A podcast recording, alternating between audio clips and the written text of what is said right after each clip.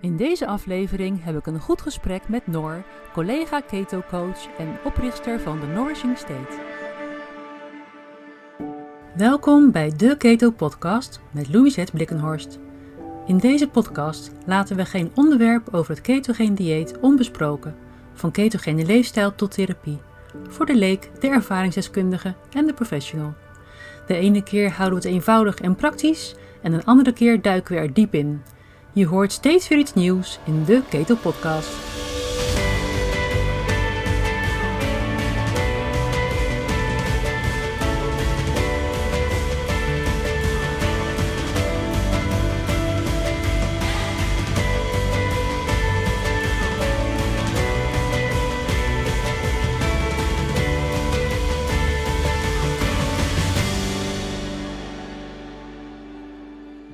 Lisette, leuk om vandaag samen in gesprek te gaan. Ja, goedemorgen. Goedemorgen. Zullen we ons allebei eerst even voorstellen? Want het is natuurlijk voor onze beide podcast, dus dan Ja. lijkt me dat een mooi begin. Ja, helemaal goed. Zal ik beginnen? Ja, graag. Nou, mijn naam is Louisette Blikkenhorst. Ehm, ik heb een aantal jaar geleden een eh, bedrijf opgericht, eh, gericht op, eh, op het opleiden van gezondheidsprofessionals ehm, ehm, in de ketogene dieet, hè, ketogene therapie.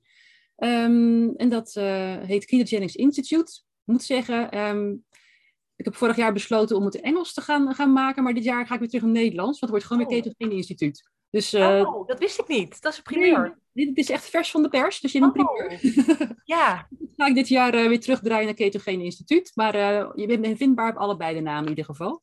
ja.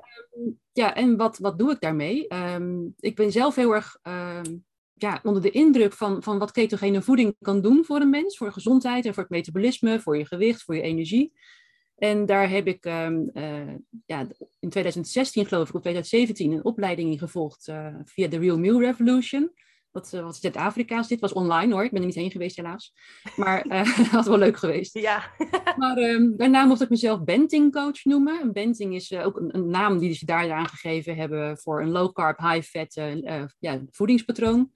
Um, ben ik toe gaan passen in, in Nederland. Ik had een eigen praktijk als orthomoleculair therapeut. En uh, ik merkte als ik mensen niet helemaal weer lekker kreeg waar ik ze hebben wilde, helemaal goed van hun klachten af kon helpen, um, dan liet ik ze uh, overstappen op een low carb, high fat voedingspatroon.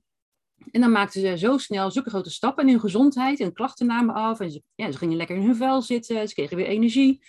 Ik dacht, nou, waarom heb ik dat niet eerder gedaan? Ja. Weet, je, weet je wat, ik ga het omdraaien. Ik ga voor ten eerst mensen op die voeding uh, over, laten overstappen in fases, zoals ik het geleerd had uh, in die opleiding. Um, en wat er dan nog nodig is, dat kunnen we met eventueel supplementen of andere uh, ja, therapie of wat dan ook, kunnen we dan nog ondersteunen. Maar het was haast niet meer nodig. Ik, ik gaf wel de minimale um, ja, suppletie eigenlijk, wat, wat gewoon iedereen eigenlijk wel nodig heeft. Maar al die extra's, die, die waren eigenlijk niet meer nodig. En dat vond ik dus wel uh, ja, een bijna schokkende, maar ook een zeer indrukwekkende ontdekking eigenlijk, dat het lichaam het gewoon zelf kan. Als het maar de juiste voorwaarden biedt. Ja. En um, toen heb ik daar een online programma van gemaakt. En dan kunnen nog meer mensen dat gaan doen. Ik heb ook online begeleiding bij gedaan. Ook dat werkte gewoon heel erg goed. En dat was dan eerst nog voor cliënten, hè? Dus eerst specifiek op cliënten gericht. Ja. ja, dat was echt een, een coachingsprogramma op basis van dat, dat keto-leefstijlprogramma, zal ik maar zeggen. En toen uh, kwam steeds vaker de vraag van collega's, van, van, van therapeuten en voedingskundigen, leefstijlcoaches, van zo, dat is gaaf wat jij doet. Hoe doe jij dat? En waar heb je dat geleerd? Welke cursus Ja, heb je gedaan? Maar er waren helemaal geen Nederlandstalige opleidingen eh, of cursussen hierin. Er waren wel wat online coachingsprogramma's van mensen die ook uh, uh, keto ontdekt hadden. Uh, maar dat was echt gericht alleen maar op, uh, ja, op snel gewichtsverlies eigenlijk, toen nog. Hè? Dat was toen een soort van nieuwe hype eigenlijk geworden. Ja, ja. En toen dacht ik, ja, um, eigenlijk zat ik stiekem te wachten op, op een opleidingsinstituut in Nederland. Die zou zeggen van, nou, ketogeen, fantastisch. Wij gaan er, wij gaan er een les van maken. En dan sluit ik me daarbij aan, had ik gedacht. En dat gebeurde maar niet. ja, nou ja, oké. Okay. Ik heb zoveel kennis en informatie. Ik had nog meerdere cursussen gedaan. Dus ik denk op een gegeven ogenblik, ik hark alles bij elkaar. Ik, ik maak daar een, een lesprogramma van. Ik ga me online zetten. Want ik, ik, ja, ik heb geen tijd om in mijn eentje overal het hele land les te gaan geven. Ik ga het gewoon online doen. Nou, het kwam heel erg goed uit. Want begin 2020 ging de pilot live. En toen begon ook de corona zo'n beetje. Ja. Dus eigenlijk was dat een soort van Ja, hè, dat is dan eigenlijk een hele gelukkige timing. Ik heb dat zelf ook gemerkt. Want de acceptatie voor online werd toen opeens heel snel zo groot. Dat ja. we konden natuurlijk niet anders. Dus ik kan me wel voorstellen dat dat voor jou een positief gevolg is geweest. Ja, nou ja, daardoor werd ik niet zo snel geraakt door, uh, door die coronacrisis en die, die lockdowns en dergelijke. Maar goed, uh, de eerste lessen zaten gelijk ook al vol met, uh, met, met, met orthomoleculair therapeuten, diëtistes. Uh, en die waren helemaal, ja, wauw, van wat een mooie cursus. En wat is hier toch veel over te vinden en hoe goed is het onderbouwd? Het is niet een, een, een hype of een, een, een van de crash dieet. Of, maar ja, wat is hier al mooie onderzoeken naar gedaan? En wat is hier al veel bewijsmateriaal voor? En waarom wordt dit niet breder ingezet? Ja, die vraag inderdaad. Hè? Want dat is ook wat, wat steeds weer terugkomt in, in, uh, in de podcast. Van als je het eenmaal ziet, dan kun je het niet meer niet zien. En dan is het, ja, dan, dan is het gewoon zo geweldig. En dan voel je ook heel erg dat enthousiasme en die, die spirit van oké, ik wil dit met iedereen delen. Ik wil dit met cliënten gaan doen. Ja, ja, ja precies. Dus uh, nou, en uh, er waren maar een paar mensen in Nederland die daar al serieus mee bezig waren. Naast mij, jij was al in de picture en nog een paar mensen die ook al bezig waren met begeleiden van cliënten. Maar toen dacht ik van, goh, het wordt er heel veel gedaan. Is er nog wel wat, wat, wat in, te, verdienen of in te bereiken? Maar echt tot op de dag van vandaag denk ik nog steeds, er is zo'n zo'n groot gat tussen wat um, ja, de particulieren aan het doen zijn, de, de, de, de massa, zou maar zeggen. Als ik zie dat sommige Facebookgroepen meer dan 60.000 volgers hebben in Nederland alleen. Hè, dat heb ik niet over Amerika, maar in Nederland. En dat er steeds meer Instagram-accounts komen uh, die helemaal vol staan met uh, hoe, hoe, geweldig mensen het doen en wat ze lekker eten en recepten delen en elkaar adviseren. En dan uh, komt de vraag vanuit die groep ook regelmatig van waar vind ik iemand die me hierin kan begeleiden? Nou, dan is dat een handjevol mensen uiteindelijk in Nederland hè, relatief ja, ja. kan doen op een goede manier. Zonder, uh, zonder... Dat is wel even goed om te benadrukken op de goede manier. Want dat is lang niet, dat weten wij beiden, is lang niet altijd zo. Nee, nee, want er zijn wel een paar zelfbenoemde keto-coaches of ik denk, ja, maar goed. Ik noem geen namen, maar ze zijn maar het is wel goed om daar kritisch op te zijn als je begeleiding zoekt. Ja, waaronder jij, waaronder mijn uh, cursisten inmiddels. Maar uh, er, zijn nog, er zijn nog zo weinig um, echte goede keto-coaches die echt goede degelijke begeleiding geven. En die weten waar ze het over hebben. En dan kijk ik naar de diëtisten in Nederland en naar de voedingskundigen en naar, ook naar de artsen, want ze hebben geen idee waar ze het over hebben. En ze blijven maar hameren op, het is gevaarlijk, denk aan ketoacidose, pas op voor die vetten. Terwijl die mensen die het aan het doen zijn, die worden beter, die vallen af, die raken van hun medicatie af en die, die floreren. Precies. En die gezondheidsprofessionals die zeggen allemaal, pas op, kijk uit, die doen gevaarlijk. Nou, en dat gat, dat probeer ik te dichten. Dat uh, is mijn missie geworden. Ja. Ja, mooi. Heel mooi. Zeker ook wat je zegt, dat je eigenlijk dan een beetje in een soort van wachtende rol zit van, joh, wanneer wordt dat opgezet? Wanneer komt er nou een instituut? En op een gegeven moment kom je op een punt dat je denkt, nou, weet je, dan ga ik het zelf doen. Ja. Ja, cool. Echt een Pippi Langkous uh, aanpak gekozen van, ik heb het nog nooit gedaan, maar ik denk dat ik het wel kan. En dan, ja, ja kom maar top. Ja. dat is de beste manier, ja. ja. Dus uh, ja, dat was een beetje mijn uh, verhaal. Ja, leuk. Zal ik mezelf ook even voorstellen? Oké, top. ik ben Noor, ik ben koolhydraatarm diëtist, um, voedingsdeskundige met een master in voeding en gezondheid aan Wageningen. Um, ik heb onderzoek gedaan in Australië op het gebied van koolhydraatarme diëten, diabetes en gewichtsmanagement. Dus daarvoor werkte ik, uh, dus ik combineerde mijn master met um, werk in de eerste lijn in een diëtistenpraktijk. En wat ik daar eigenlijk heel erg snel tegenkwam, is dat cliënten niet de gewenste resultaten haalden. Ik begeleide ook volgens de schijf van vijf, richtlijnen goede voeding. Dus een beetje achteraf gezien klopt het natuurlijk helemaal dat we daarmee niet de resultaten kregen. Maar ja, ik deed wat ik vier jaar lang geleerd had en dacht, joh, waarom gebeurt het niet? En wat ze al heel snel op de opleiding zeggen, ik noem dit ook wel vaker, is ongeveer de tweede week zeggen ze van, joh, je cliënten gaan tegen je liegen, onder rapportage, ze zeggen dat ze minder eten dan dat ze eten.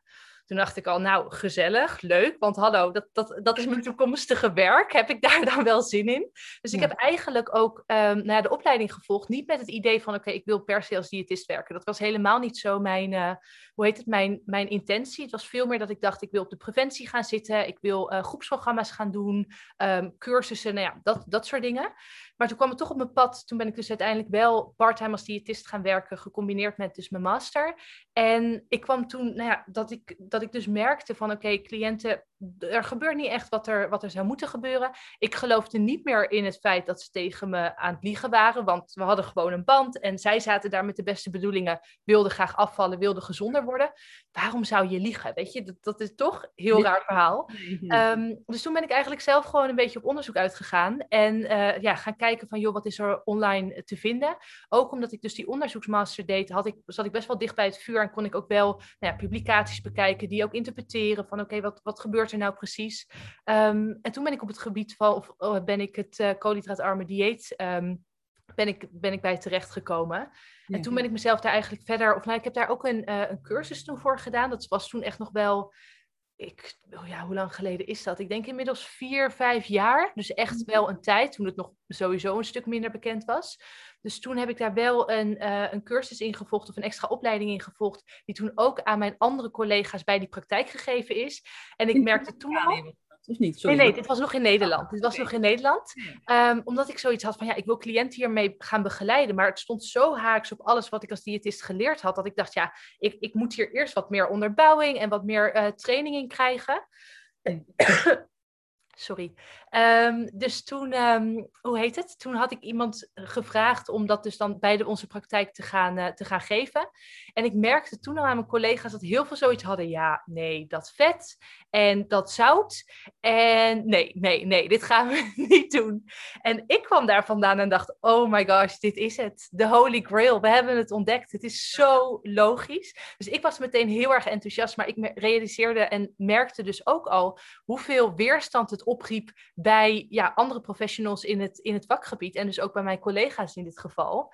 Um, maar ik had zoiets van, ja, weet je, ik, ik ga hiermee aan de slag. Dus ik ben dat toen ook met cliënten gaan doen en meteen super goede resultaten. Er was geen weg meer terug en ik wilde gewoon iedereen op koolhydraatarm hebben. Kijk, natuurlijk wel in meer of mindere mate, hè, afhankelijk van degene die je tegenover je hebt zitten. Maar ik voelde wel heel erg snel van, hallo, dit is goud, hier, hier moeten we wat mee. En ik had op dat moment de keuze uh, waar ik mijn stage kon, uh, wilde gaan doen, van dus mijn master. Um, en toen kwam ik in Australië een groot onderzoek tegen dat daar werd gedaan door de grootste um, ja, onderzoeksinstelling. Dus toen dacht ik, oké, daar moet ik zijn. Volgens mij gebeuren daar goede dingen. Sowieso loopt Australië, net zoals bijvoorbeeld Amerika, best wel wat vooruit, toch? Zeker, ja. Ja, ja, dat is echt wel. Nederland blijft gewoon best wel een beetje achter. Um, dus ik had zoiets van: oké, ik wil dichter bij het vuur, ik ga die kant op. Dus toen ben ik daar uh, nou ja, onderzoeken gaan doen. Heb ik ook lang samengewerkt met een, uh, met een diëtist gespecialiseerd in koolhydraatarm. En nou ja, toen begon het helemaal te lopen en dacht ik van oké, maar dit is gewoon de manier. Ja. En ik wilde eigenlijk gaan promoveren. Ik had daar ook een plek dan specifiek op uh, ketogene die diëten en metabolische flexibiliteit. Dus hoe goed je lichaam schakelt tussen vetverbranding en tussen uh, koolhydraatverbranding. Maar goed, corona. Dus dat was de periode dat ik toch naar huis moest en alles liep anders. En dat ik dacht, ja, laat ik dan maar gewoon mijn kennis in de praktijk gaan brengen en mensen hiermee gaan helpen. Laat ik het online doen, want binnen drie maanden ben ik weer terug in Australië. Nou, inmiddels zijn we een heel, heel veel verder en ben ik nog steeds gewoon in Nederland. Maar goed, zo loopt het leven soms. Maar uh, nou ja, wel dat ik heel erg voelde van, weet je, er, dit gebeurt in Nederland niet genoeg. Of eigenlijk gewoon nauwelijks. Dus ja, ik wil ook dat mensen hier meer, um, ja, hier toegang tot kunnen krijgen. Ja, absoluut. Ja, dus... ja, dat, ja, het is heel mooi dat jij, dat jij die missie hebt, want die heb ik ook inderdaad. En er zijn er wel steeds meer. Maar het is nog heel voorzichtig, heel mondjesmaat. En er wordt nog steeds heel hard geroepen, vooral door artsen en door diëtisten, van pas op, want het is gevaarlijk. En je raakt ervan in ketoacidose, wat heel gevaarlijk is. En ja, ze zien het gewoon echt nog niet. Dus daar hebben we nog heel veel werk uh, in te verrichten. ja. Ja, absoluut. Ja, ja. en ik, ik denk dat het in kleine stappen gaat. Weet je, zeker, ik heb ook wel het idee dat het een beetje eraan ligt hoe lang je al in het vak zit. Wat ik bij mezelf bijvoorbeeld merkte. Want kijk, als jij moet toegeven dat je, nou ja, een, een paar jaar verkeerd tussen aanleidingstekens, maar eigenlijk wel begeleid hebt, kun je nog wel, denk ik, oké mee zijn. Maar als jij bijvoorbeeld al twintig jaar in het vak zit en dan nog aan jezelf moet toegeven, joh, eigenlijk klopt er helemaal niks van. Ik heb halve vrienden geadviseerd, maar eigenlijk wil ik iedereen op roomboter hebben. Ik heb gezegd dat ze minder vlees moeten eten, terwijl, uh, en ik ben, nou ja, sojaproducten gaan, gaan adviseren. Ja. lijkt mij best wel lastig. Ik vond dat zelf al lastig. Ik merkte dat het voor mij heel erg hielp om in een andere omgeving te zijn. Niet met mijn, nou ja, in een soort van mijn standaard, mijn standaard omgeving met mijn, met mijn mensen om me heen, zeg maar. Dus dat ik ook ja, gewoon heel erg op dat moment mezelf weer kon gaan herontdekken, maar ook waarin ik geloofde, wat ik adviseerde. Dus ik kan me wel voorstellen dat dat lastig is om, daar, um, om daarop terug te komen. Ja, maar ik denk als je als, als, als zorgprofessional, dan heb je de beste intenties. Ik neem aan dat, dat zorgprofessionals zoiets gaan doen omdat ze de, roeping voelen om andere mensen te willen helpen. Uh, en dat je dan de wijsheid van dat moment gebruikt om, om jouw patiënten, om jouw klanten te helpen. En dan denk ik dat het juist heel goed is om flexibel te blijven, om een, open mind te houden. En te denken van, hé, hey, er komt nu nieuw, uh, nieuw onderzoek, er komen nieuwe geluiden naar buiten. Um, dan kan je heel erg krampachtig willen vasthouden aan het oude. Maar we zien inmiddels allemaal dat dat oude voedingsadvies wat gegeven wordt, lang niet zo effectief is, of, of zelfs uh, contraproductief werkt, dan wat er nu naar buiten komt in, in de, de, de therapeutische koolhydraatbeperking of van de low carb diets. Ja. die zijn zoveel effectiever. Ja, absoluut. Ja, dat ja. moet nog doordringen. Ja. Ja, dus inderdaad, kijk, als, als die flexibele houding en die, de, de intentie van oké, ik wil mensen op de best mogelijke manier helpen, als dat op nummer één blijft staan, dan denk ik dat het makkelijker is. Ik wil niet zeggen dat dat niet bij iedere hulpverlener of bij iedere zorgverlener zo is, maar ik zie wel, of ik, ik, ik kan het ook wel ergens begrijpen, dat je ook al een beetje vastroest toch? In bepaalde adviezen en wat je dus altijd al hebt gedaan. Kijk, het is, het is heel mooi als jij flexibel en open-minded blijft. Ik juich dat alleen maar toe. Maar ik, ja, ik kan me ook wel voorstellen dat dat, dat, dat wat tijd nodig heeft. En dat dat dus ook is wat we op dit moment zien gebeuren. Dat het niet, ja, dat het niet in één keer, dat iedereen volledig overstag gaat. Nee, het is ook natuurlijk peer pressure. Hè? Dus als er een paar uh, opstaan die zeggen, hé, hey, het kan ook anders, dan wordt eerst nog een beetje ja, uh, cynisch naar gekeken door, door hun omgeving. Ook daar moet je doorheen breken. En dat is best wel een barrière. Precies, want dat is het natuurlijk ook. Kijk, je moet wel behoorlijk stevig in je schoenen staan. Wil je dat op je nemen? Want dat heb jij waarschijnlijk ook gemerkt. Je, je krijgt wel commentaar, laten we eerlijk zijn. Ja, ja, ja, nog steeds. Uh, ook vanuit de orthomoleculaire collega's hoor, die uh, toch een beetje kijken van ja, maar uh, hoe moet het dan met je darmflora als je zo lang ketogeen en zoveel vet eet en minder vezels? Dat is echt niet goed voor je darmflora. Nou, dat, dat blijkt ook niet waar te zijn, maar voordat je dat eruit hebt. Um, ja, ja, ik vind het wel interessant. Ik, ik, ik ben alleen maar uh, overtuigder geraakt door alles wat ik intussen nog lees en hoor over, over ketogene diëten en, en, en koolhydraatbeperking. Raak ik alleen maar enthousiaster en nog, ja, zet ik nog meer mijn tanden erin eigenlijk. Ja. Ik denk van jongens, die moeten het echt gaan zien. Je moet er echt, echt hier aan gaan snuffelen en uh, je eigen maken en gaan kijken wat het doet. Want er is hier nog zoveel winst op gebied van gezondheid, van energie, van, van, van vitaliteit van gewichtsbeheersing. Daar is nog zoveel winst te behalen. Ja, absoluut. Ja, want wat je inderdaad ook zegt, de, de richtlijn op dit moment, kijk, ja, dat werkt alleen maar averechts. Voor de meeste mensen, en natuurlijk niet voor iedereen. Maar in principe zeker als er nou ja, bepaalde aandoeningen spelen, als er overgewicht speelt. Maar ik ben wel benieuwd, als jij daar dus um, kritiek of een beetje nou ja, um, reacties op krijgt. Hoe ga je daar dan mee om? Ga je altijd het gesprek aan? Of heb je ook wel, want ik heb ook wel heel eerlijk zo, zoiets dat ik denk, joe, bekijk het maar. Ik heb gewoon even geen zin in deze confrontatie. Ja, het ligt er een beetje aan hoe het gaat, hoe iemand op je afkomt, hoe iemand je benadert. Uh, als ik merk dat er ook wel interesse is, dan vind ik het heel leuk om een, om een haakje mee te geven. Van uh, kijk hier eens naar, kijk daar eens naar. Of ik vertel een verhaal uit mijn praktijk van wat er gebeurd is. Um, maar als iemand echt uh, op je afkomt met zoiets van, eh, wat jij doet is helemaal fout, levensgevaarlijk en je bent helemaal geen dokter en uh, wat denk je nou de, dat, je, dat je kan vertellen? Dan denk ik zoiets van, ja, nou, sorry hoor, maar ik laat me niet, niet afbekken door iemand die eigenlijk niet weet waar hij het over heeft. Dus nee. dan denk ik van, laat diegene eerst maar zijn eigen reis gaan maken en zijn eigen ontdekkingen gaan doen. Wil ik best bij helpen, klop maar bij me aan. Ik, ik heb van alles wat ik kan delen met je. Maar als iemand echt niet wil, dan ga ik er niet aan trekken. Nee, nee, ik denk dat het inderdaad, nou ja, dat merk ik zelf ook, dat dat het beste is om, uh, om op die manier te doen. Want ja. hoe is dat dan in, jouw uh, in jouw persoonlijke omgeving gegaan? Waren mensen heel erg enthousiast of had je ook wel wat tegenstanders? Hoe ging dat? Ja, hoe ging dat? Ik was al bezig met, uh, met, met allerlei opleidingen van orthomoleculaire therapie, toen naar de KPNI. Um, ehm, en daar ontdekte ik dan ketogeen dieet, dus ben ik zelf gaan doen. En ja, mijn man die keek me zo aan van, oké, okay. la, la, laat Louis het maar schuiven. Die, uh, die is van alles aan het, aan het ontdekken en aan het doen. Dus uh, um, zolang ze niet omvalt, zal het wel goed gaan. Ja. Um, en toen ben ik inderdaad gewoon hals over kop mezelf op ketogeen dieet uh, gaan zetten. Dat was begin 2017 volgens mij. Ja, met alle ketogriepverschijnselen van ding. Mm. Maar ik, ik voelde ja. fysiek, hè, dat, ik had spierpijn, ik had hartkloppingen en ik voelde me eigenlijk energetisch niet zo heel erg lekker.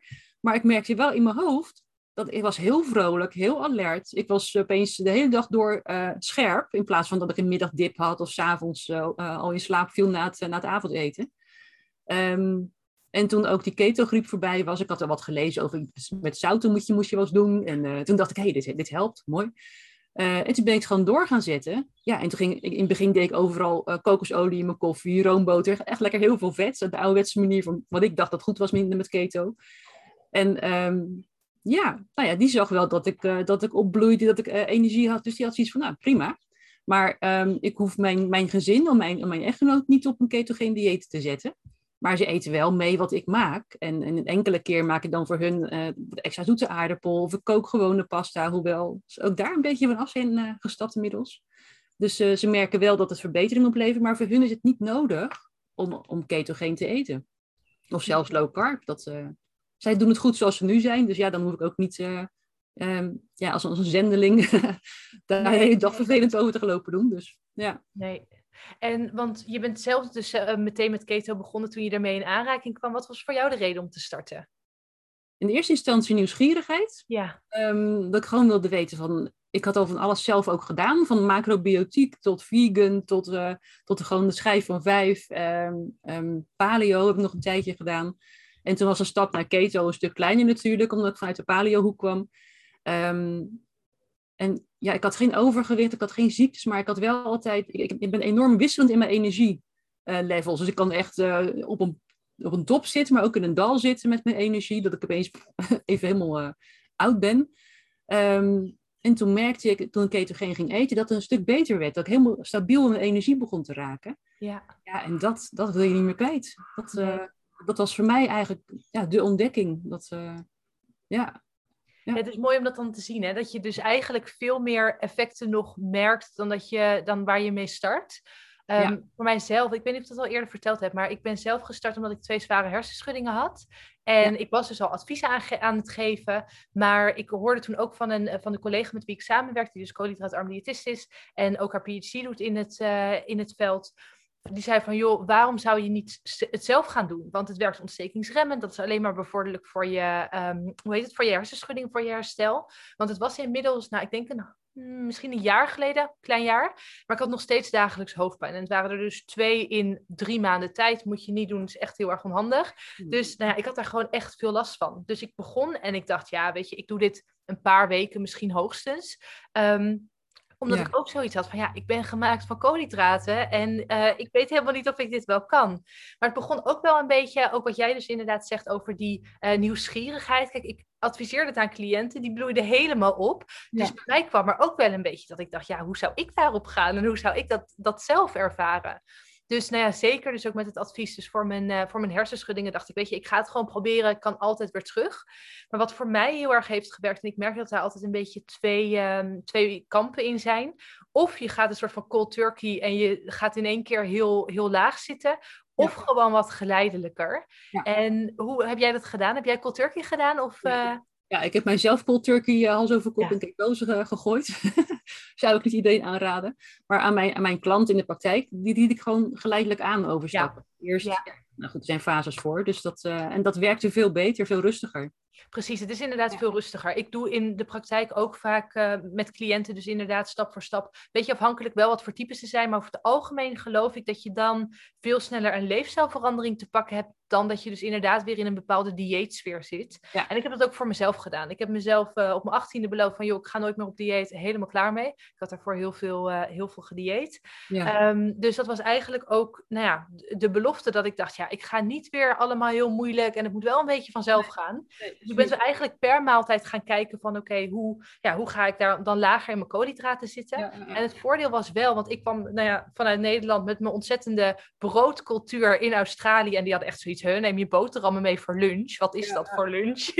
dus dat had ik voordat ik met koolhydraatarm begon, had ik dat eigenlijk al overboord gegooid. En was het meer bijvoorbeeld de restje van het avondeten of een salade in ieder geval, of een omelet. Dus dat was al een stuk lager in koolhydraten. Dus dat was eigenlijk al makkelijk.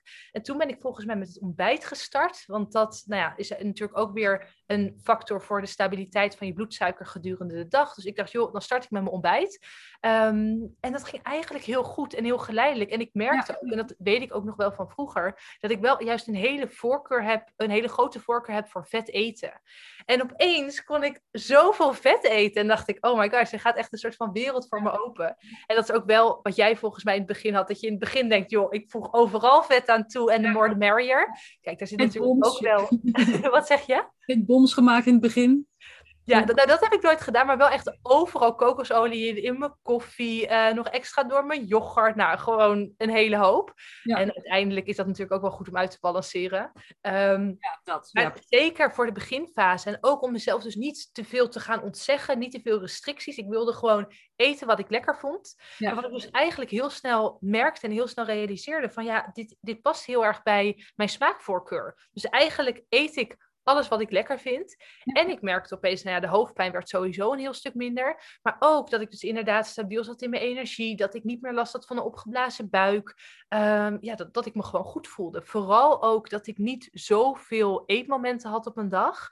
Want daarvoor, nou, ik denk dat ik zeven, acht keer per dag at. En alleen maar dan dus een soort van, van eetmoment naar eetmoment leefde. Wat echt, nou, ja. toch? Dat is dan ja, volgens de richtlijnen, dus het zal allemaal wel oké zijn. Maar nu ik nou drie keer per dag, hoogstens vier keer per dag eet, merk ik pas hoeveel rust dat eigenlijk geeft. Dat, dat is echt een punt. Want toen ik eigenlijk begon, voordat ik ging, uh, op ketogeen overging, heb ik nog een tijdje geprobeerd om, om te gaan vasten.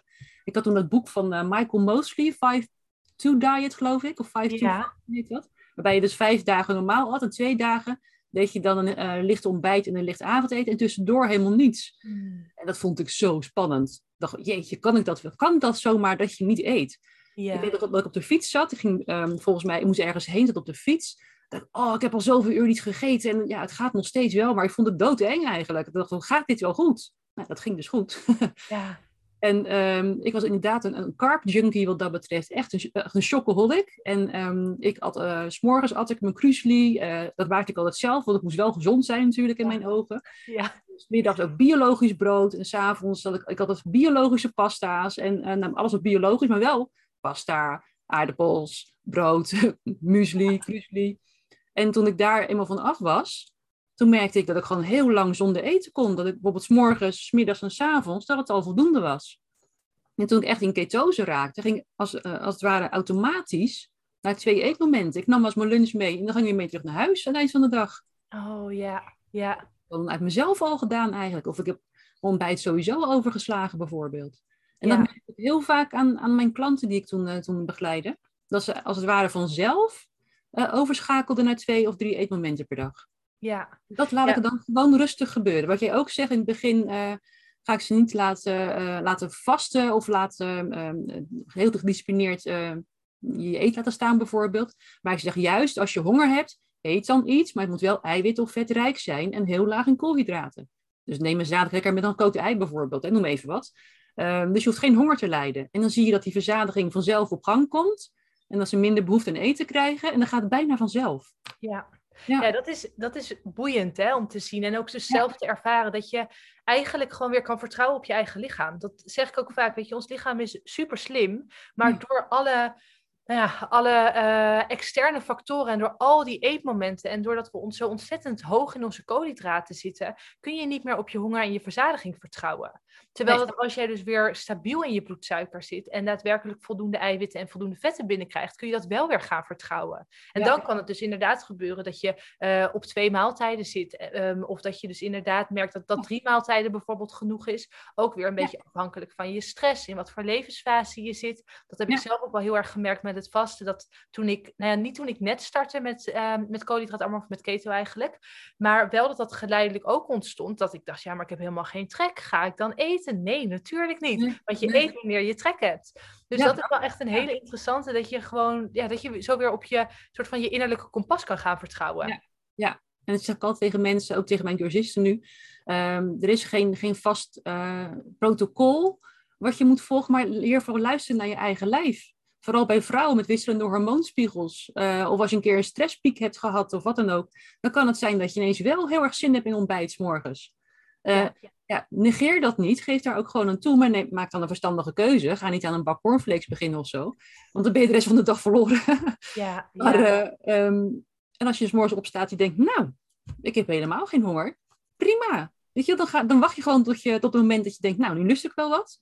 En dan zal je zien dat je makkelijk met twee eetmomenten op een dag uh, uh, rondkomt, bijvoorbeeld. Ja, maar ja. luister daarnaar, ja. Precies, en dat is zo mooi als je dus inderdaad weer naar je lichaam kan luisteren. Want dat is ook vaak dat, ik, dat mensen behoefte hebben aan lijstjes en dagmenu's. En dan zeg ik ook van, joh, daar werk ik niet mee. Want ik geloof er niet in dat jij iedere dag en iedere dag van de maand of ieder eetmoment precies hetzelfde nodig hebt. Wat ik zelf bijvoorbeeld merk, ik ben uh, net terug van vakantie en ik merkte toen dat ik gewoon geen trek had 's ochtends. En nou ja, mijn stress was ook een heel stuk lager. En zeker aan het einde van de vakantie was het dus gewoon prima om twee maaltijden en dan misschien een uitgebreidere snack te nemen. Want ik ben normaal wel echt van het ontbijt. Zeker sinds mijn stresslevels een stuk hoger zijn dan dat ze bijvoorbeeld in Australië waren. Maar dan is het heel fijn om daar ook op te kunnen varen. En ook te kunnen vertrouwen dat jouw lichaam wel weet wat goed is. En dat je dus inderdaad je ontbijt neemt. Want als je kijkt, dus inderdaad, als jouw stress een stuk hoger is en jouw cortisol uh, en dus je bloedsuiker bouwt op gedurende de ochtend. Ja, dan kun je beter een maaltijd hebben met voldoende vet dat het naar beneden haalt. Dan wanneer je heel de de ochtend lekker in je bloedsuikerpiek doorgaat. Ja, klopt. En ik zeg altijd, uh, vooral bij vrouwen, maar ook bij mannen, die zijn net zo goed uh, daar gevoelig voor, maar vooral vrouwen zijn er heel gevoelig voor, voor die stressprikkels. Um, en die, die hebben al meer schommelende cortisol-levels ook vaak. Um, en dan zeg ik altijd van een, een, vrouw die s morgens wakker wordt en denkt, ik, ik lust wel een ontbijt. Ga daar niet heel gedisciplineerd proberen om dat te, te, aan te vechten. Of omdat je een app wil volgen of een lijstje moet volgen. Luister naar je eigen lijf.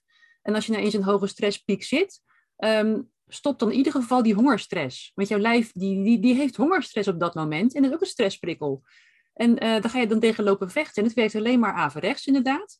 Uh, terwijl als je dan s morgens zorgt dat je, klein, dat je gewoon een klein beetje koolhydraten binnen krijgt in de vorm van wat bessen of aardbeien.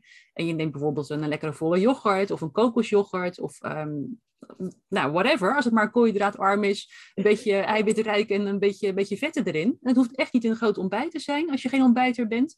Maar geef je lichaam in ieder geval iets om aan te geven van rustig aan. Er is ja. geen hongersnood buiten. We hoeven geen hongerstress te lijden. En dan zie je dat je een veel rustiger start hebt. Een veel rustiger je dag doorkomt. Ja, en dat is echt puur winst. Maar luister daar ook gewoon naar. Ja, ja. Niet fout. Nee. nee, want dat zie ik ook zo vaak, zeker nu intermittent fasting echt populairder en groter is dan ooit, dat ja. heel veel vrouwen, maar ook mannen dat gaan doen, terwijl dat ze wel heel erg hoog zitten in hun koolhydraten. Dat ik dan echt ook hoor van, joh, ik moet vechten om die 11, 12 uur te halen. Dat ik denk, ja, maar waar ben je dan mee bezig? Dan of begrijp je toch ook niet wat je aan het doen bent? Ik denk bij intermittent fasting minimaal 16 uur. Ja, dat, nee, dat sowieso. Nee, ik bedoel om dan om oh. 11 uur. Um, om 11 dan uur, ochtends, okay. 11 uur ochtends. Ja. Oh, zo, dat ja, ze echt dat... aan het vechten zijn om, ja, om dan dus hun window inderdaad van 16 uur te halen. Ja. Ja, maar ja, weet je, als jij hoog zit in je koolhydraten, dus helemaal niet lekker op je vetverbranding overgaat, wat is dan je winst? Nee, precies. Nou, en dat is ook een punt wat ik um, um, ja, in, in een beetje de orthomoleculaire wereld ook zie, in, in die leefstijlcoaches. Uh, die zijn daar toch nog steeds een beetje bang voor, lijkt het wel. En die gaan alles intermittent doen. En dat is prima, hè? dat kan heel erg bijdragen aan je metabole flexibiliteit. Maar het gaat niet bijdragen aan uh, keteladaptatie. En ik denk dat, dat, dat daar een heel groot winstpunt in zit. Je kan wel in acute ketose raken door s morgens uh, nuchter te gaan bewegen, je ontbijt over te slaan. Dan zou je heus wel in je vetverbranding komen. En je zal misschien ook wel ketonen gaan produceren. Maar op het moment dat jij je lunch neemt en die is weer lekker rijk in koolhydraten, dan is dat meteen weg. En je geeft ook je lichaam niet de kans om langdurig over te schakelen op die ketonenhuishouding, om dat goed te gaan benutten. En daar zit juist een enorme winst in. En, en dat is wat, wat mensen vaak niet zien. Die denken, nou, ik heb uh, morgens wat ketonen gehad, smiddags kan ik weer gewoon lekker uh, eten zoals ik gewend ben, of ik ga weer lekker fruit eten, of uh, in ieder geval te veel koolhydraten om dat vast te houden. en dan zijn ze er weer uit. En dat vind ik zonde. Ik ga dan, ga dan eens een tijdje door daarmee en, en merk dan wat dat doet met je lichaam. Ja, ja. Daar zit echt, wat mij betreft, een hele grote winst. Ja, en misschien is het ook wel een soort van overgangsfase. Weet je, zeker als dat dus inderdaad door voedingsdeskundigen of orthomoleculaire therapeuten wordt aangeraden. Misschien is dat inderdaad de eerste stap die dan, uh, die dan prettig of comfortabel voelt en is langer ja. in ketose zijn dan de volgende stap. Kan een fase zijn, ja. Ja. ja. Ja, dus dat dat misschien, ja, dat dat uiteindelijk. Dus ik denk zeker als je beter gaat begrijpen wat er gebeurt als jouw lichaam in ketose is, dan zul je uiteindelijk ook um, ja, weten dat, dat daar langer de tijd voor nodig is dan bijvoorbeeld alleen een ochtend. Ja, ja zeker.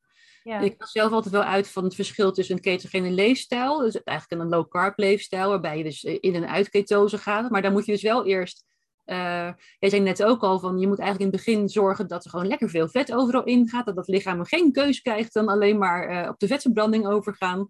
En als je daar eenmaal over die drempel heen bent, dan pas ga je uh, automatisch bij wijze van spreken, ga je overschakelen op, op de ketonenhuishouding, ga je minder vaak eten.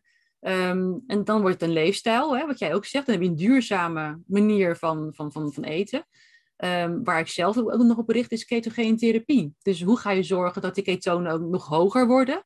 En dat je langere tijd die ketonen in je bloed uh, hebt om gezondheidsvoordeel uh, eruit te halen. En die zijn enorm. Um, want ik, ik heb bijvoorbeeld slides in mijn cursus waarbij je ziet van een ketogeen dieet of ketose is goed bij ja, allerlei ziektebeelden. Dat, van, van mild tot super ernstig. Wat, we, wat je, ja, van, Alzheimer tot kanker tot uh, neurologische aandoeningen, uh, ernstige metabole uh, um, dysfunctie. Um, ook immunologisch, dat hebben we de afgelopen jaren goed kunnen zien wat er aan de hand was met, met de gevolgsgezondheid van, van de wereld. Um, en een ketogeen dieet kan op al die vlakken en, en meer een, een, een, hele positieve invloed uitoefenen. Ik zal niet zeggen dat je door ketogeen dieet alles kan genezen, want dat is niet, dat is niet zo. Maar je kunt zoveel bijdragen aan verbetering van, van hoe je lichaam functioneert, hoe je immuunsysteem functioneert, hoe je stofwisseling functioneert, hoe je mentaal functioneert. Daar heeft ketogeen ook een enorme uh, invloed op. Uh, en er is geen pil, er is geen poeder, er is geen uh, operatie, er is geen supplement in de wereld die dat allemaal kan bereiken. Nee, dat kan je allemaal zelf aanmaken, gewoon door anders te eten. Hoe mooi is dat? Je hebt, ja. je hebt het gewoon zelf in de hand. Dat vind ik ook het, het, dat is het krachtige eraan. Je hebt echt een keus. Juist. En ik denk dat door dat meer te benadrukken, en dat is ook nou ja, de reden dat ik met de podcast begonnen ben, dat je, je hebt een keuze om zelf, uh, ja, je, je bepaalt zelf wat je in je lijf stopt. En je kan daar je lijf zieker mee maken of gezonder. Uiteindelijk is het zo simpel. Ja, ja dat is eigenlijk het, het hele eigen wil ik zeggen. Is oké toch geen, maar... Ja. Dat is inderdaad Lekker die eieren. Ja, ja hoor, gaan doen. Maar ja. Uh, ja, en als mensen dat gaan, gaan beseffen, dat je ook gewoon zelf daar stappen in kunt zetten. En dat zie je nu ook, wat ik zei. Hè? Je ziet uh, steeds meer mensen ketogene leefstijl gaan volgen. Of ketogene diëten gaan volgen. Met heel veel winst. En, en de adviseurs, de, de professionals, die blijven achter. Ja, ja. ja. Dus kom op mensen. Ja. ja. neem het heft in eigen hand. Ja, en dus vooral ook inderdaad de professionals. Dat dit gewoon steeds ja, dat, dat dit ook een plek gaat innemen in de behandelkamer. Dat zou natuurlijk uiteindelijk het mooiste zijn. En ik denk, ja, daar komen we ooit wel een keer. Maar hopelijk duurt dat sneller dan dat ik zelf denk dat het nog gaat duren. Nou, of als er maar al artsen zijn die zeggen van, nou, ik heb er zelf uh, geen verstand van, want ik heb niet zo heel veel geleerd over voeding. Maar ik heb wel begrepen dat ketogene voeding daar enorm verschil in kan maken. Ik verwijs u door naar een ketodiëtist of een, uh, ja, of een low carb diëtist. I iemand die daarbij kan helpen. Ja, ja. Zijn er wel steeds meer gelukkig, maar de, ja, die vertaalslag moet nog even gemaakt worden. Ja, ja. Ik denk dat mensen, even. Ja, dus, ja, precies. Maar als, als mensen er zelf ook bewust van zijn dat het bestaat, en bij hun huisarts of bij hun behandelaar om vragen van, joh, ik heb iets over ketogeen gehoord, uh, dan hoop ik dat er straks meer behandelaren zijn die zeggen van, ja, dus proberen waard, ga het maar onderzoeken. De, de, ja. Zoek maar iemand die daarbij kan helpen. Uh, terwijl, terwijl nu hoor je nog heel vaak dat ze zeggen: nee, niet doen, gevaarlijk, uh, te veel vet, pas op. je hebt je koolhydraten hard nodig. Nou, ja, ja. hoop dat we daar een beetje vanaf gaan de komende, komende tijd. Ja, ja, absoluut. Waar ik benieuwd naar ben, want um, dus over de, de ketogene therapie, heb jij aandoeningen of situaties waarvan je denkt, joh, niet doen? Um, ik ben altijd geneigd om voorzichtig te zijn bij mensen met uh, uh, veel te hoge leverwaardes. Ja. Dan zou je misschien toch even moeten gaan kijken wat er aan de hand is en of daar misschien niet eerst iets anders uh, gedaan moet worden. Um, wat ook niet het beste moment is om te beginnen met een ketogene dieet, is als je midden in een hele hoge stresspiek zit. Dus dat je echt bijvoorbeeld midden in een, in een echtscheiding zit, in een ontslagronde, in een financiële crisis en je hebt echt, echt heel erg veel stress. Um, als je een, een, opvlamming hebt van je immuunsysteem, dus stel dat je midden in een, uh, in een chronische darmontsteking zit uh, met een opvlamming, of een reumatische aanval, of je zit midden in, in de griep, dan ga je ook niet beginnen met ketogene dieet. Dat ga je eigenlijk vanzelf wel doen, maar goed. um, uh, of als je, een, een, um, als je zeer intensief sport, dus als je een topsporter bent of je bent gewend heel zwaar te trainen, Ehm, dat zijn allemaal momenten, hè, dus die hoge stress, hoog uh, actief immuunsysteem, hoog uh, inspanning, waarbij je over die aerobe, anaerobe drempel gaat. Even voor de mensen die dat kunnen volgen. op een gegeven ogenblik dan switch je celademhaling van met zuurstof naar zonder zuurstof. En dan ga je als het ware fermenteren. En op dat moment, als een cel begint te fermenteren, kan ook bij bepaalde ziektebeelden zijn, hè, dat, dat een cel naar fermentatie over, overschakelt en kortdurend is niet erg, maar voor de lange termijn wel, um, dan kan die cel dus geen vetten verbranden. En zonder vetverbranding kan je nooit ketonen produceren. En, en die, een mens die dat dus heeft, die in zo'n situatie zit, die kan niet beginnen met een ketogeen dieet. Want die ga je dan uh, adviseren van oh, je koolhydraten moeten eruit, meer vetten, meer eiwitten. Um, terwijl dat lichaam te schreeuwen om glucose, want die kan niet anders. En wat gaat, die nou, wat gaat daar nou gebeuren? Zo'n persoon gaat zijn spiermassa afbreken. Ja. En dat wil je niet. Dat is, dat, daar moet je van, van wegblijven als het even kan. En dan zie je dat zo iemand bijvoorbeeld wel afvalt, maar geen omvang verliest. Dus dan moet je afvragen, wat, wat raakt deze persoon kwijt? Ja, ja. Geen, ja, blijkbaar geen vet, maar spiermassa. Ja. Nou, op dat moment met zo iemand moet je dus geen ketogeen dieet gaan doen, maar moet je zeggen, ga goede koolhydraten eten. En we gaan eerst eens kijken, kunnen we dat immuunsysteem tot rust brengen? Kunnen we wat aan je stress doen? Kun je misschien wat minder heftig gaan sporten. uh, mensen die zeven dagen in de week in de sportschool staan, ja. mij betreft niet nodig. Dus um, ja, kunnen we daar eerst iets, iets, iets voor, voor, voor rust zorgen in dat lijf en dan pas naar die ketogene voeding stap voor stap overgaan. Ja, dus dat je eigenlijk eerst die balans creëert of die meer terugbrengt en dan dus overgaat. Wat ik wel interessant vind zijn topsporters. Want kijk, in principe zou het juist heel mooi zijn als ook topsporters meer in hun vetverbranding zitten. Omdat je dan natuurlijk ook gewoon een veel groter uithoudingsvermogen hebt. Ehm, maar ja, dan zit er wel een bepaalde overgangsfase in. Want dat, dat weten we ook vanuit onderzoeken. Dat ze niet meteen weer dezelfde prestatie kunnen leveren als dat ze voorheen deden. Volgens mij is het twee weken, maar een beetje afhankelijk van de persoon. Ja, dat ligt wel aan hoe goed je het doet. Uh, ik hoor ook wel dat het wel een paar maanden kan duren voordat iemand weer op zijn oude niveau van, van presteren terug is. Dus daarom zit daar voor topsporters een enorme drempel. Ja. Om, de, om die stap te maken. Maar zeker bij duursport ga je heel snel uh, wel verbetering merken. Maar bij explosieve sporten, stel dat je een sprinter bent, uh, dan kan dat wel een tijdje ja, ja, negatief. Ja, negatief. Ja maar dat je minder hard uh, kan rennen bijvoorbeeld. Ja, en dat is natuurlijk als jij topsporter bent en als dat je beroep is en je daarvoor leeft, ga je, ja, dan, dan kan ik me, wat jij inderdaad zegt, voorstellen dat die drempel hoog is. Ja. ja. Maar juist als je weer kijkt naar herstel en dus inderdaad uithouding en gewoon je hele lichaam aan zich, gewoon de gezondheid, zou natuurlijk heel mooi zijn als ook sporters meer op die vetverbranding gaan zitten. Terwijl dat nu heel weinig gebeurt. Ik durf te zeggen dat 9 van de 10 topsporters insulineresistent zijn. Ja. Altijd over die, over die aerobe, aerobe drempel heen. Precies. Dus ja, dus eigenlijk ligt daar ook echt een enorme wind. Want dat zie je ook vaak, toch? En dat, dat blijkt ook wel uit onderzoeken. Dat zodra een topsporter met pensioen gaat, en dat is natuurlijk vaak op vrij jonge leeftijd, dat ze dus inderdaad heel snel diabetes ontwikkelen.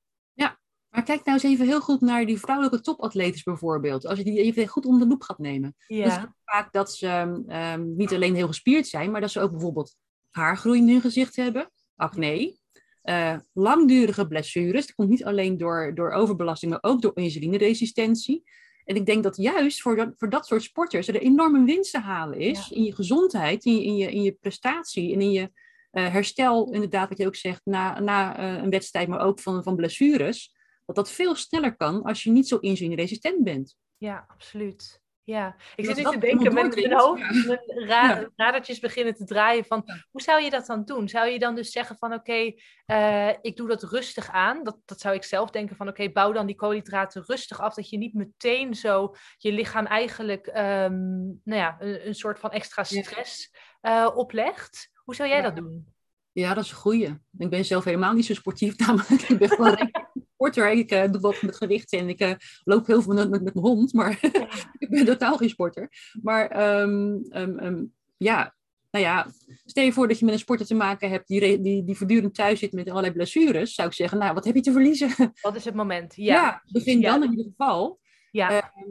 Ja, wat voor soort sporter is het? Is het een sprinter of is het een lange afstandloper of een, of een uh, iemand die gewoon hè, langer voort moet met zijn energie? Ja ja, daar is wel echt, eh, echt winst te halen. En iemand die dan um, dus al wel meer metabool flexibel is en misschien al wat meer in de vetverbranding zit, dan zou ik zeggen, uh, neem wat extra koolhydraten voor die wedstrijd. Ja. Dat je in ieder geval kant-en-klare energie hebt om, om explosief te kunnen presteren. Ehm, en daarna kun je overschakelen op je vetverbranding en kun je ook op de lange termijn beter presteren. Dus ik denk dat, dat, voor dat soort momenten dat het wel handig is om wat extra koolhydraten te gaan. Ja, ja. Maar dat je dus wel ja. maar wat, wat goede, goede koolhydraten. Ja. ja. Ja, maar dat je dus wel al gaat kijken over de gehele linie van oké, hoe zou iemand wat lager in koolhydraten kunnen gaan zitten, zodat je die metabolische flexibiliteit, dus die, die schakeling tussen vet en koolhydraatverbranding ook meer op gaat zoeken. Dus ja. eigenlijk zou dat voor iedereen goed zijn. Of in ieder geval sowieso voor iedereen, maar dus ook voor sporters zou dat sowieso een slimme zijn. Ja, dus jouw vraag van wie mag er absoluut geen ketogeen dieet gaan volgen? Ja, moet ik me... ik zou zeggen, uiteindelijk maar kan iedereen dat doen. Want ik, ja, dat is dus ook het idee dat ik heb. vanuit de evolutie gezien is het onze, onze overlevingsmechanisme geweest in tijden van dat er geen eten was. Ja. En uh, als je natuurlijk als, uh, nou, ik hoe lang geleden, uh, um, als, als, er geen eten voor, op voorraad was en je moest nog op, op zoek naar, om, om te jagen of om te verzamelen of om eten te vinden, en je was intussen al je spieren aan het, aan het afbreken omdat je aan glucose moest komen, ja, dan, dan ga je natuurlijk heel snel ten onder. Ja. En als je dan juist eh, kunt overschakelen op vetverbranding en uh, door ketonen te produceren kunt voorkomen dat je je spiermassa afbreekt, dan kan je dus heel erg lang door op je eigen energie op zoek naar het volgende ja, uh, eetmoment bijvoorbeeld, dat je wel iets kunt vinden. Ja. En dat heeft denk ik ons als, als mens, als homo sapiens, uh, uiteindelijk de, doorheen gesleept. Ja. Dus Ieder mens kan dit, in principe. Als je dat niet hebt, ja, ik ga geen haast lelijk woord zeggen, then you're screwed. En, ja, en iedereen zou dit toch moeten kunnen. Weet je, tuurlijk, er is voor de ene een langere fase om weer metabolisch flexibel te zijn dan voor een ander persoon. Maar uiteindelijk is dit wel een beetje de, de essentie van, van ons lichaam. En, en zit dit er gewoon in? Gewoon fysiologie. Het is niet ja, ja. Of, of, of, of spookies of wat dan ook. Dit is gewoon hoe je lichaam werkt. Ja. Als je koolhydraten beperkt, dan ga je uh, goed, goed beperkt, hè? niet een beetje. Um, dan ga je vanzelf over vetverbranding en op de ketonenhuishouding. En voor sommige mensen moet dat wat langer duren, moeten daar wat meer stappen in uh, gezet worden. En er zijn mensen die binnen een week voor elkaar, dat kan ook. Ja. ja.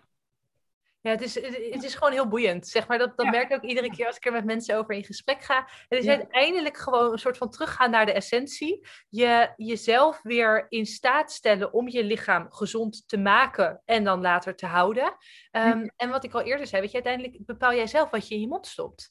En daar kun je dus een goede of een minder goede keuze mee, mee maken. En ik ben echt behoorlijk grijs en ik zit helemaal niet zo in het zwart-wit. En ik geloof ook echt in uitzonderingen en in gewoon af en toe de slingers ophangen. Helemaal, helemaal oké. Ja, maar weet je, weet wel wat dat met je lichaam doet. Of weet wel hoe jij goed voor je lichaam zorgt. Ja, ja en dan is het ook een keuze inderdaad. En het mooie is dat die keuze makkelijker te maken is als je, uh, je bloedsuiker stabiel is. Absoluut. Ga je niet uh, uh, kwijlend voor de chocoladekast van, oh, ik wil zo graag ja. en voeiend afblijven. Dan, dan loop je, als ik goed in ketose ben, dan loop ik langs de chocola zonder te, te, te knipperen. Doet me helemaal niets. Als ik hoog in mijn stress zit en ik heb een tijdje uh, wat minder goed gegeten, dan ga ik zo die valkuil in. Ja. Dat, uh, dat gebeurt echt nog steeds, ja. Ja, absoluut. Het is, het is ook een soort van visueuze cirkel die in stand wordt gehouden. Of je zit lekker in die cirkel en het wordt gewoon steeds makkelijker. Of je zit wat minder goed in en dan is het inderdaad steeds moeilijker. Maar om je dat alleen al te realiseren, om te weten van, joh, ik zit nu even wat minder goed in mijn flow. Dus ik ben gevoeliger voor bepaalde valkuilen, voor bepaalde triggers. Nou, dan weet je dus, oké, dan moet ik misschien niet in de, aan de binnenkant van de supermarkt lopen of de gangpaden die in het midden staan. En misschien gewoon wat meer in de buitenste banen. Maak het voor jezelf dan ook gewoon makkelijk. Ja, ja, en dan weet ik voor mezelf nu inmiddels um, van oké, dit kan dan even een, een, tijdje duren. Soms duurt het een week, soms duurt het twee weken. Um, ik heb het soms ook heel erg druk, dan vergeet ik helemaal om, uh, om op mezelf te letten. Maar um, dan weet ik ook weer van oké, dit ging echt te ver, weet je wel. Ik, uh, ik, ik, kom weer een paar kilo aan of ik, ik voel mijn energie wegzakken. Ik word uh, kribbig omdat ik niet lekker in mijn energie zit. en dan weet ik nu ook weer welke stap ik moet zetten. En dan kan ik binnen twee dagen kan ik weer gewoon terug op de rit zijn. Dan kan ik gewoon die, die knop weer omzetten. En denk ik, oh lekker, ik heb weer die ketonen, ik heb weer energie, ik heb mijn scherpte weer. Ik, ja, ik ben weer lekker op de rit. En dat wil ik ook altijd meegeven aan, aan cursisten en aan klanten. Van, uh, je mag best af en toe lekker van het pad af en uh, even lekker de slingers ophangen, zoals jij zegt. Maar doe daarna ook even damage control. Weet je, pak dan gewoon die draad weer op. En hoe langer je wacht, hoe moeilijker het wordt. Maar ga dan gewoon lekker naar een feestje of ga op vakantie. doe eens even gek. Niet, en ik merk wel dat mensen niet weer op de oude manier gaan eten zoals ze daarvoor deden. Kijk, dat kan je gewoon niet meer. Die, dus daar ben je sowieso al beter bezig dan voorheen. En als je dan terugkomt, zeg toch van oké, ik begin weer met, ehm, met een beter ontbijt. Ik ga weer wat, uh, wat langer vasten tussendoor. En dan zie je dat binnen twee, drie dagen, hooguit een week, zijn ze gewoon weer helemaal te rit. Ja, ja. Dan is het een leefstijl. Dat kan je prima volhouden. Ja, absoluut. En dat is inderdaad ook het mooie om te merken dat jouw lichaam ook gewoon steeds flexibeler dus is. Dus, jij, dus je merkt dat als jij wel een keer uh, wat hoger zit in je koolhydraten of een etentje hebt gehad en je doet dan twee dagen gewoon weer in je normale flow en je zit weer laag in je koolhydraten, zit je er zo weer in. Zit je zo ja. weer in ketose. Ik ken mensen die, uh, ik een klant die heeft zichzelf uh, een schemaatje opgesteld. En die zegt, ik gewoon één keer per kwartaal, doe ik een korte periode zwaar ketogeen. Dan ga ik echt helemaal strikt in. Um, ze heeft dus wel al vier of vijf maanden uh, non-stop ketose uh, achter, de, achter de rug. En uh, in haar vervolgperiode nu zet ze zichzelf dus vier keer per jaar op een ketogene fase. En tussendoor eet ze low carb. Ja. Maar ze gaat dus vier keer per jaar echt even goed erin. Houdt ze weer een paar weken vol. Dan gaat ze weer wat hoger in de, in de koolhydraten zitten. Vooral in de zomer. Dan kan ze wat meer aardbeien eten of weer een stukje fruit. Ja. Dat gaat voor haar prima. En zij heeft een neurologische aandoening. MS, zit ook pas bij mij in de podcast geweest. En um, ja, zij kan met, met ketose en met, met ketonen ontzettend veel bereiken. En um, ja, die, die heeft een veel betere kwaliteit van leven. En op deze manier houdt het ook leuk voor zichzelf. Dit werkt voor haar prima. Ja, ja. Dat is zelf zo uh, ontdekt eigenlijk, op deze ja. manier. Ja. En dat is uiteindelijk het allerbelangrijkste. Dat je vindt wat voor jou werkt. Want wat voor mij ja. werkt, wat voor jou ja. werkt. En wat voor degene werkt die nu aan het luisteren is, is allemaal anders. Dat geef ik ook vaak aan. Weet je, zie het ook als een bepaald experimenteren met jezelf. Want dan, dan is het leuk. En dan ga je ook achterhalen van oké, okay, wat werkt nou voor mij? Waar voel ik me goed bij? Ja, en ook dat kan wel eens anders zijn als je opeens inderdaad, als je hormonen met je aan de haal gaan of uh, als je stress hebt gehad, dan kan het ineens ook weer anders zijn dan je gewend bent. Maar ik ben het wel heel eens met wat jij zei van ik, uh, ik geef mensen geen weekmenu, ik, geef ze geen, uh, ik schrijf ze niet voor wat ze moeten eten. Je moet voor jezelf ontdekken hoe, hoe dat mechanisme werkt, waar, waar die, die omknop zit eigenlijk. Ja. En hoe je dat voor jezelf gaat toepassen. Vanuit welke filosofie, levensovertuiging, religie, uh, uh, gezinssituatie, leefstijl. Dan kan je dat helemaal jezelf gaan toepassen. En dat is duurzamer dan dat ik jou een boekje geef met hier heb je recepten en dat moet je elke dag zo eten. ja. ja. Want uiteindelijk ben je klaar met die recepten of is dat weekmenu ja. afgelopen? Wat ga je dan doen? Ja, Toch? Dan... wat je helemaal niet lekker vindt of zo. Ja, of, precies. En dat geef ik ook vaak als voorbeeld. Dan zeg ik tegen jou, joh, jij moet een omelet 's ochtends eten. Kijk, ik word daar heel blij van. Maar niet iedereen wordt daar blij van. Ik wil niet nee. dat jij tegen heug en meug je omelet zit te eten. Nee, er zijn ook mensen die kunnen zuivel minder goed verdragen. Dus ja, als ik dan zeg, je moet yoghurt eten, word je ook niet blij van. Nee, zo. Nee, precies. Nee, dus nee. Ik, ja, dus dat is echt wel de, denk ik, het belangrijke dat we willen meegeven van joh, ga vooral achterhalen wat voor jou werkt. En of je dat nou zelf doet, of je daar hulp bij krijgt. Maar in ieder geval ga het experiment met jezelf aan en neem gewoon weer de touwtjes in handen. Juist. Ja. Ja. Grootste, grootste succesfactor, denk ik uiteindelijk. Ja. Ja, absoluut. Hebben wij nog, want volgens mij zijn we al een tijd aan het praten. Ja, we zijn wel uh, lekker bezig inderdaad. Zullen we afronden? Ja, ik denk nog als laatste tip. Um, als iemand hier naar luistert en denkt van ik wil hier wel mee aan de slag. Nou, jij hebt natuurlijk een heel mooi begeleidingsprogramma. Ik heb intussen meerdere um, keto professionals opgeleid. Zijn op mijn website te vinden. Dus er is inmiddels wel genoeg hulp te vinden en begeleiding te vinden. Of je nou wilt afvallen, of dat je een gezondere leefstijl wilt, of dat je een bepaald ziektebeeld wil aanpakken. Er is wel inmiddels uh, een, een aardig aanbod in de mensen die daarbij kunnen helpen. Ja, absoluut. Hoor terecht, kan je via mij terecht. Dat, uh, ja. ja, en ik zei al van, weet je, je kan het zelf doen of je kan het met hulp doen. Kijk, wij zouden natuurlijk altijd aanraden om het met hulp te doen. Omdat je dan ja. meteen wel... Kijk, je, je krijgt de handvatten. En wij, wij weten ook, als jij komt van een vet is eng cultuur... en dat is gewoon onze cultuur, laten we eerlijk zijn... en zout is eng...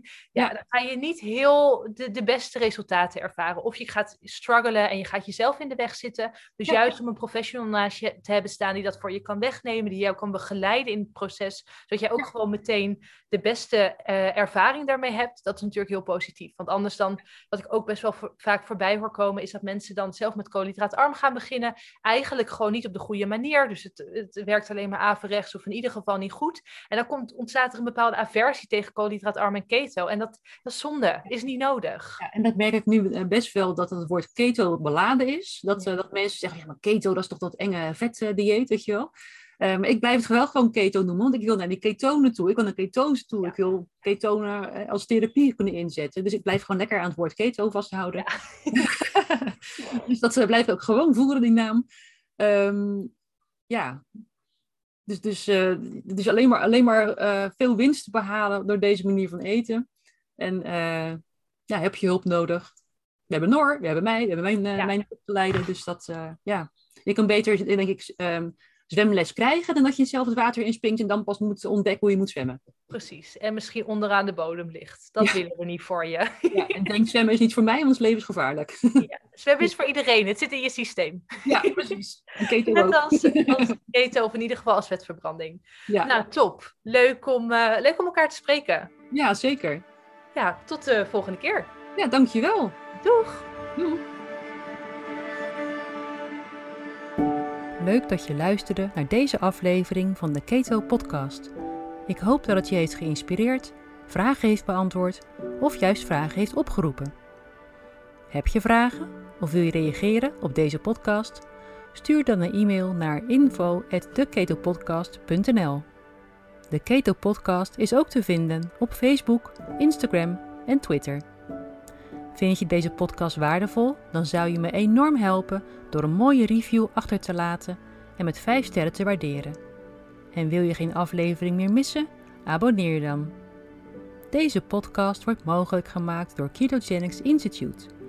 Ketogenics Institute verzorgt cursussen voor gezondheidsprofessionals over ketogene leefstijl en therapie. En voor een ieder die zelf met een ketogene leefstijl wil starten, is er het Keto Leefstijlprogramma. Meer informatie is te vinden op www.ketogenicsinstitute.com. Mijn naam is Louisette Blikkenhorst. Bedankt voor het luisteren en tot de volgende keer.